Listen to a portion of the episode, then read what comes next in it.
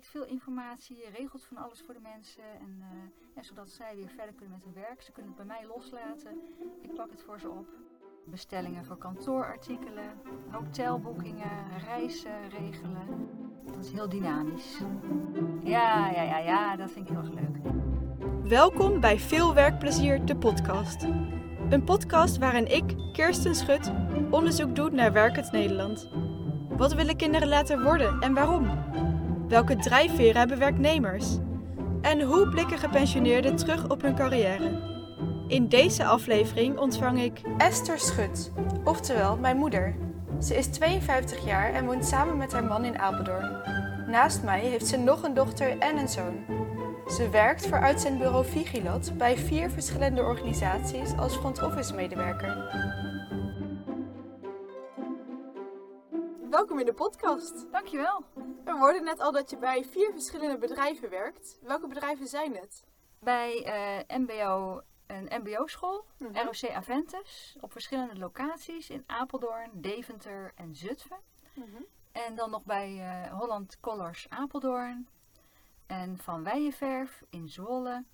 En bij Hollander Techniek in Apeldoorn. Oké, totaal Ja. verschillende bedrijven Ja, eigenlijk allemaal. Ja, het ene is een heel internationaal zakelijk bedrijf. En dan nog bij een, eh, een familiebedrijf. Dus ook heel erg leuk. En ehm, een techniekbedrijf. En een school.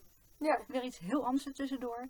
Maar superleuk. En heb je dan ook nog in die vier verschillende bedrijven, zijn dat echt ook totaal andere bedrijven waar je eh, elke keer weer anders moet gedragen of elke keer andere omgangsvormen Ja. hebt? Ja, je Ja. moet echt wel heel flexibel zijn. Bij het Ja. ene bedrijf waar ik dan kom, ja, daar zeg je u. En dan mag je geen spijkerkleding aan. En bij het andere bedrijf is het weer juist wel, want dan is het laagdrempeliger. En eh dan zeg je je en jij. Maar ja, zodra ik daar zit op die plek, dan, dan valt het samen. En dan, eh, ja, dan zit je daar helemaal in. Dat Ja. gaat dan vanzelf. Eigenlijk ben je ook een soort van chameleon. Je slurpt de hele, hele bedrijfscultuur helemaal op en Ja. jij voelt je daar helemaal één mee en de volgende Ja. dag ben je weer ergens anders, zeg maar. En dat maakt het, het, het leuk, het flexibele. Ja. ja, je weet waar je zit. En eh, dat gaat wel vanzelf eigenlijk. Wel heel flexibel moet je dan zijn. En je bent bij alle vier de bedrijven wel front office medewerker. Je Ja. hebt alle, bij alle vier de bedrijven dezelfde functie. Ja, maar overal wordt het eigenlijk wel weer anders ingevuld. Bij het een doe je net iets meer van dit en het andere net iets meer van dat. Toch wel weer hele andere soort van taken. En wat is er dan wat er wel overeenkomt tussen de bedrijven? Dat je heel veel mensen ziet en van informatie voorziet, eh, dingen regelt, organiseert. Dat vind ik ook het leuk om te doen. Het regelen en organiseren, ja. Plannen. Oké. En hoe eh, heb je dan ook een soort van standaard dag of zo? Of zien alle dagen er totaal verschillend uit? In hoofdlijnen eh, hetzelfde, maar de invulling qua werkzaamheden is vaak dan net weer even anders. En wat Ja. zijn dan de hoofdlijnen? allerlei eh secretariële werkzaamheden eigenlijk. Mails beantwoorden, telefoontjes beantwoorden, lunches bestellen, taart en bloemen regelen, bestellingen voor kantoorartikelen, hotelboekingen, reizen regelen, dingen opzoeken of iets mogelijk is of iets kan, of iemand kan reizen, welke tickets die dan moet aanschaffen en zorgen dat die vouchers allemaal eh, geregeld worden. Mhm. En dan, ehm, ja, en op die school, ja, is vooral allemaal studenten die dan van alles willen qua informatie. Maar ook dat ze bijvoorbeeld parkeerautorisatie of een liftautorisatie willen. En dan moet je kijken eh, ja, of dat kan. Of ze voldoen aan de, aan de regels, Mhm. aan de voorwaarden moet ik zeggen. Ja, veel administratie ook wel. Administratie als in eh, je legt alles vast. Ja, ja, formulieren invullen, die weer registreren in bepaalde administratieve systemen. Zodat dat eh, ja, goed komt. Oké. En hoe gaat het dan te werk? Want je zei al het registreren van alles wat je doet. dat hoort ook echt erbij. En waarom hoort dat dan? En waarom moet alles geregistreerd worden? Eh, nou ja, als je eh, ehm, een, een lunch of, of bloemen bestelt, dan ehm, ja, moet je dat ook eventjes doorgeven aan de administratie. Dat ze weten dat er een factuur van komt, waar dat voor is en wanneer dat, eh, ja, voor welke dag dat is, waar ze dat op moeten boeken. Mhm. Ehm, maar ook voor mijn collega's dan moet je dat in de overdracht verwerken. Dat zij ook op de hoogte zijn dat het al eh, geregeld is. En dat zij dat niet meer hoeven te doen. Want je werkt dan dus alleen, begrijp ik. Want Ja. anders zou je het niet hoeven overdragen. Ja, klopt. Is dat ook wat je het fijnst vindt om alle touwtjes zelf in de handen te hebben, om het vervolgens alle touwtjes weer over te dragen naar de Ja, volgende? vind ik wel heel leuk. Ja, ik vind het ook leuk om met collega's te werken. En, eh, maar ik zie door de dag heen eigenlijk wel heel veel collega's die eventjes aankomen en even komen informeren of iets al gedaan is, of dat al geregeld is. Dus ja, dat maakt het wel heel erg leuk. Je hebt wel een bepaalde binding ook met het Ja. bedrijf, dus eigenlijk daardoor. Ja, je hoort veel, je ziet veel, je leest veel. En eh, ja, zo krijg je wel een band met het bedrijf. En dan die vragen die komen dus telkens wel van of de studenten of van de medewerkers van het bedrijf of Ja, van nou ja, andere mensen die met het bedrijf te maken hebben. Ja, en veel bezoekers. En die komen dan telkens of via de mail of via de telefoon. En het zijn elke keer die vragen. Daarmee ga je aan de slag om die op te lossen en Ja. het een antwoord terug te koppelen, Ja, zeg maar. het is veel ad hoc vragen. Dus echt, het komt binnen en je handelt dat dan zo snel mogelijk en zo goed mogelijk af. Ja.